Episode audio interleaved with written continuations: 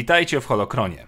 Dzisiaj poznamy lepiej krok po kroku wydarzenia, które zapoczątkowały zmiany w polityce galaktyki, czyli zniszczenie pierwszej gwiazdy śmierci. Był to pierwszy poważny cios zadany Imperium i początek nowej ery walk. Jak dokładnie przebiegała bitwa? Przekonajmy się. Materiał dotyczyć będzie legend, z tego względu, że kanoniczna wersja jest praktycznie taka sama, ale legendy nieco bardziej rozbudowują temat. Zapraszam. Rebelia na niedługo przed atakiem, dzięki pracy szpiegów, dowiedziała się, że Imperium planuje ofensywę. Musieli więc działać zapobiegawczo i jako pierwsi wyprowadzić cios, choćby miałby być ich ostatnim. Aby zjednoczyć dowodzenie i koordynować obronę, członkowie naczelnego dowództwa sojuszu zebrali się na bazie na Jawinie 4. Wraz z nimi przybyły trzy eskadry weteranów pilotów: eskadra czerwona, złota i błękitna. W kanonie plany Gwiazdy Śmierci odzyskała, jak wiemy, ekipa znana z Łotra 1. W legendach odpowiadał za to Kyle Katarn, ale nie ma większego znaczenia, kto te plany dostarczył. Ważne, że Sojusz dysponował teraz bardzo ważnym zasobem strategicznym, mogącym mocno zranić siły imperialne.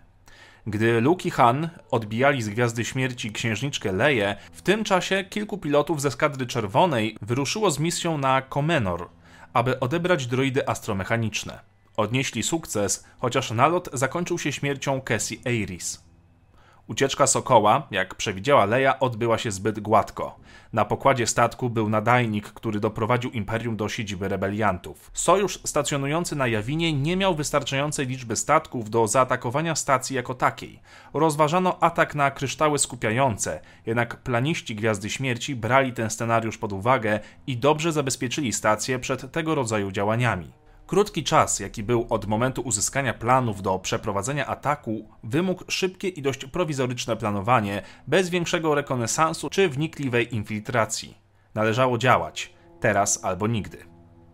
Plany zawierały ważny szczegół szyb wentylacyjny nie będący pod ochroną osłony cząsteczkowej. Celne trafienie torpedą załatwiłoby sprawę, gdyż rakieta dotarłaby prosto do reaktora.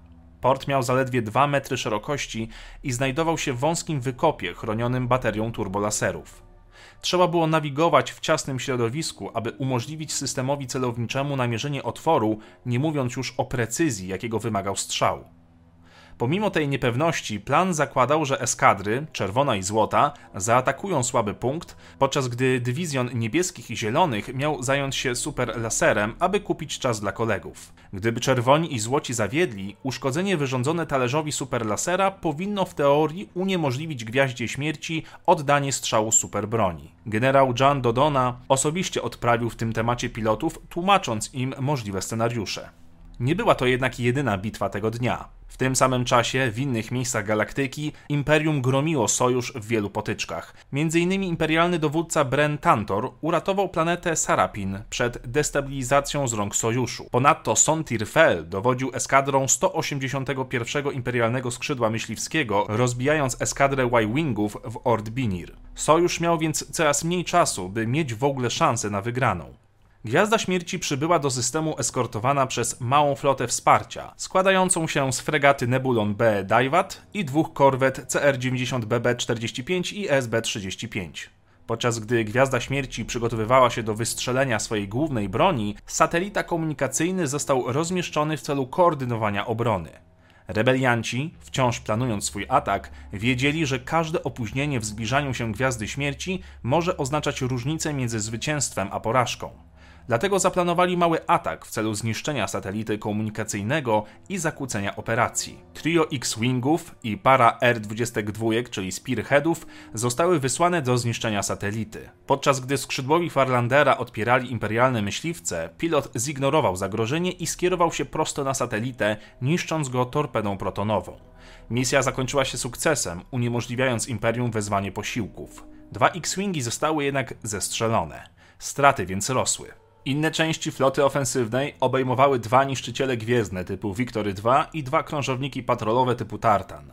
Duża część floty sojuszu, w tym krążowniki gwiezdne MC-80, fregaty eskortowe Nebulon B i inne myśliwce rebelii, walczyły do ostatniego tchu, byle tylko umożliwić dalsze działanie pilotów mających zaatakować stację.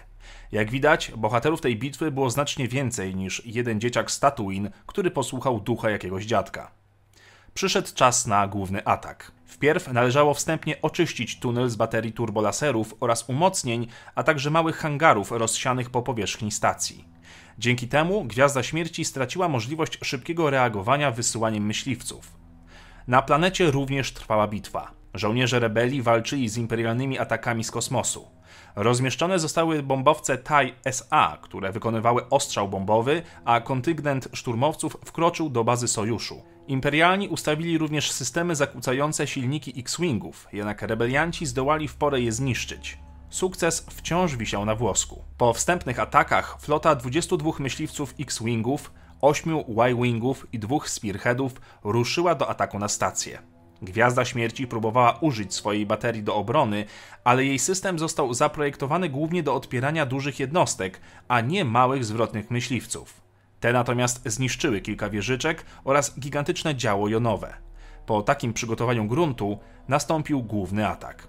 Uderzenie rozpoczęło się od zniszczenia 10 wież deflektorowych, które chroniły rów. Dowódca stacji, Moff Tarkin, zignorował atak, oceniając go jako daremną i żałosną próbę rebeliantów. Odmówił rozmieszczenia ogromnych eskadr TIE wokół stacji. Odmówił również ewakuacji, gdy Morandim Bast próbował go ostrzec, że rebelianci mogą znaleźć słaby punkt na stacji. Darth Vader, zdając sobie sprawę z prawdziwego zagrożenia, nakazał swojej osobistej eskadrze udać się z nim w przestrzeń, prosto w serce bitwy. Zaatakowali sojusz z całą zaciekłością Lorda Sithów. Wydano rozkaz, aby powstrzymać wszystkie turbolasery przed ostrzałem, pozwalając myśliwcom TAI wykonać pracę i uniknąć ryzyka zestrzelenia przez sojuszniczy ogień. Wywiązała się mordercza walka ze stratami po obu stronach. Gdy reszta rebeliantów walczyła z siłami Vadera, trzy Y-Wingi ze Złotej Eskadry rozpoczęły atak na rów. Za nim podążał Vader w swoim TIE Advanced w towarzystwie Backstabera i Maulera Michela, obaj zasiadający w TIE LN-ach. Vader zestrzelił trzech członków Złotej Eskadry, a następnie jeszcze jednego pilota, gdy ten próbował uciekać. Po porażce Złotej Eskadry, taktycy rebelii na Jawinie polecili liderowi Eskadry Czerwonych trzymać połowę grupy poza zasięgiem. Druga część atakujących w składzie Skywalker, Antilles i Darklighter musieli wstrzymać się z atakiem, dopóki pierwsza grupa nie ponowi okrążenia. Gdy przywódca czerwonych ruszył okopem, obaj jego towarzysze zostali zestrzeleni przez Vadera i jego skrzydłowych. Wystrzelone rakiety niestety spudłowały, uderzając w umocnienia stacji. Pozostałe X-Wingi próbowały osłonić dowódcę podczas jego odwrotu, ale ten został trafiony i uszkodzony, a finalnie zestrzelony przez Vadera. Lord Sithów i jego skrzydłowi zaraz potem na krótko opuścili bitwę i próbowali zestrzelić uciekający wahadłowiec medyczny E2T5537, ponieważ był pełen imperialnych dezerterów. Pilot wahadłowca, William Dance, zdołał wymanewrować Vadera, dopóki trwająca bitwa nie zmusiła go jego skrzydłowych do zawrócenia. Na Gwieździe Śmierci zaś oficer przeanalizował plan ataku rebeliantów i zdał sobie sprawę, że istnieje duża szansa, że zniszczą reaktor, a wraz z nim całą stację. Zaalarmował Tarkina i zasugerował, aby rozważyli odwrót lub ewakuację. Tarkin wierzył jednak, że ostateczne zwycięstwo Imperium jest w zasięgu wzroku. Pozostali piloci z czerwonej eskadry rozpoczęli ostateczny lot okopem, ze Skywalkerem na czele, podczas gdy Darklighter i Antilles utrzymywali dystans za nim, aby osłonić go przed imperialnymi myśliwcami.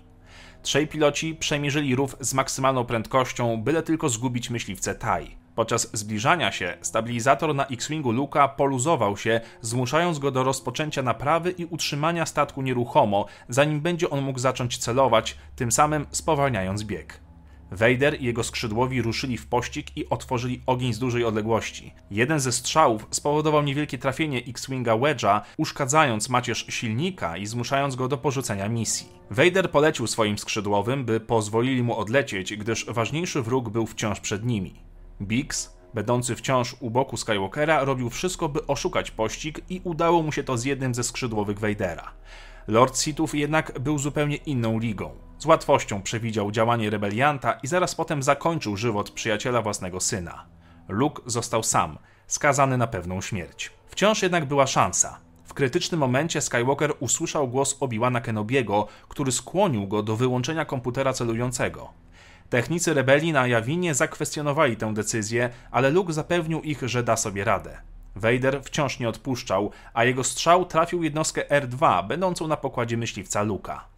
W pokoju kontrolnym Gwiazdy Śmierci, gdy baza rebeliantów znalazła się w zasięgu, Tarkin poinstruował admirała Konana Antonio Motiego, aby wydał rozkaz oddania strzału superlasera, gdy tylko ten będzie gotowy. Zaczęło się ostateczne odliczanie. Vader, wyczuwając, że Skywalker był silny w mocy i nieświadomy, że celuje we własnego syna, przygotował broń do ponownego strzału i zabicia go. Jednak w ostatniej chwili Han Solo i Chewbacca na pokładzie Sokoła Millennium przybyli na miejsce i zaskoczyli Vadera strzelając i niszcząc jego skrzydłowego Backstabera.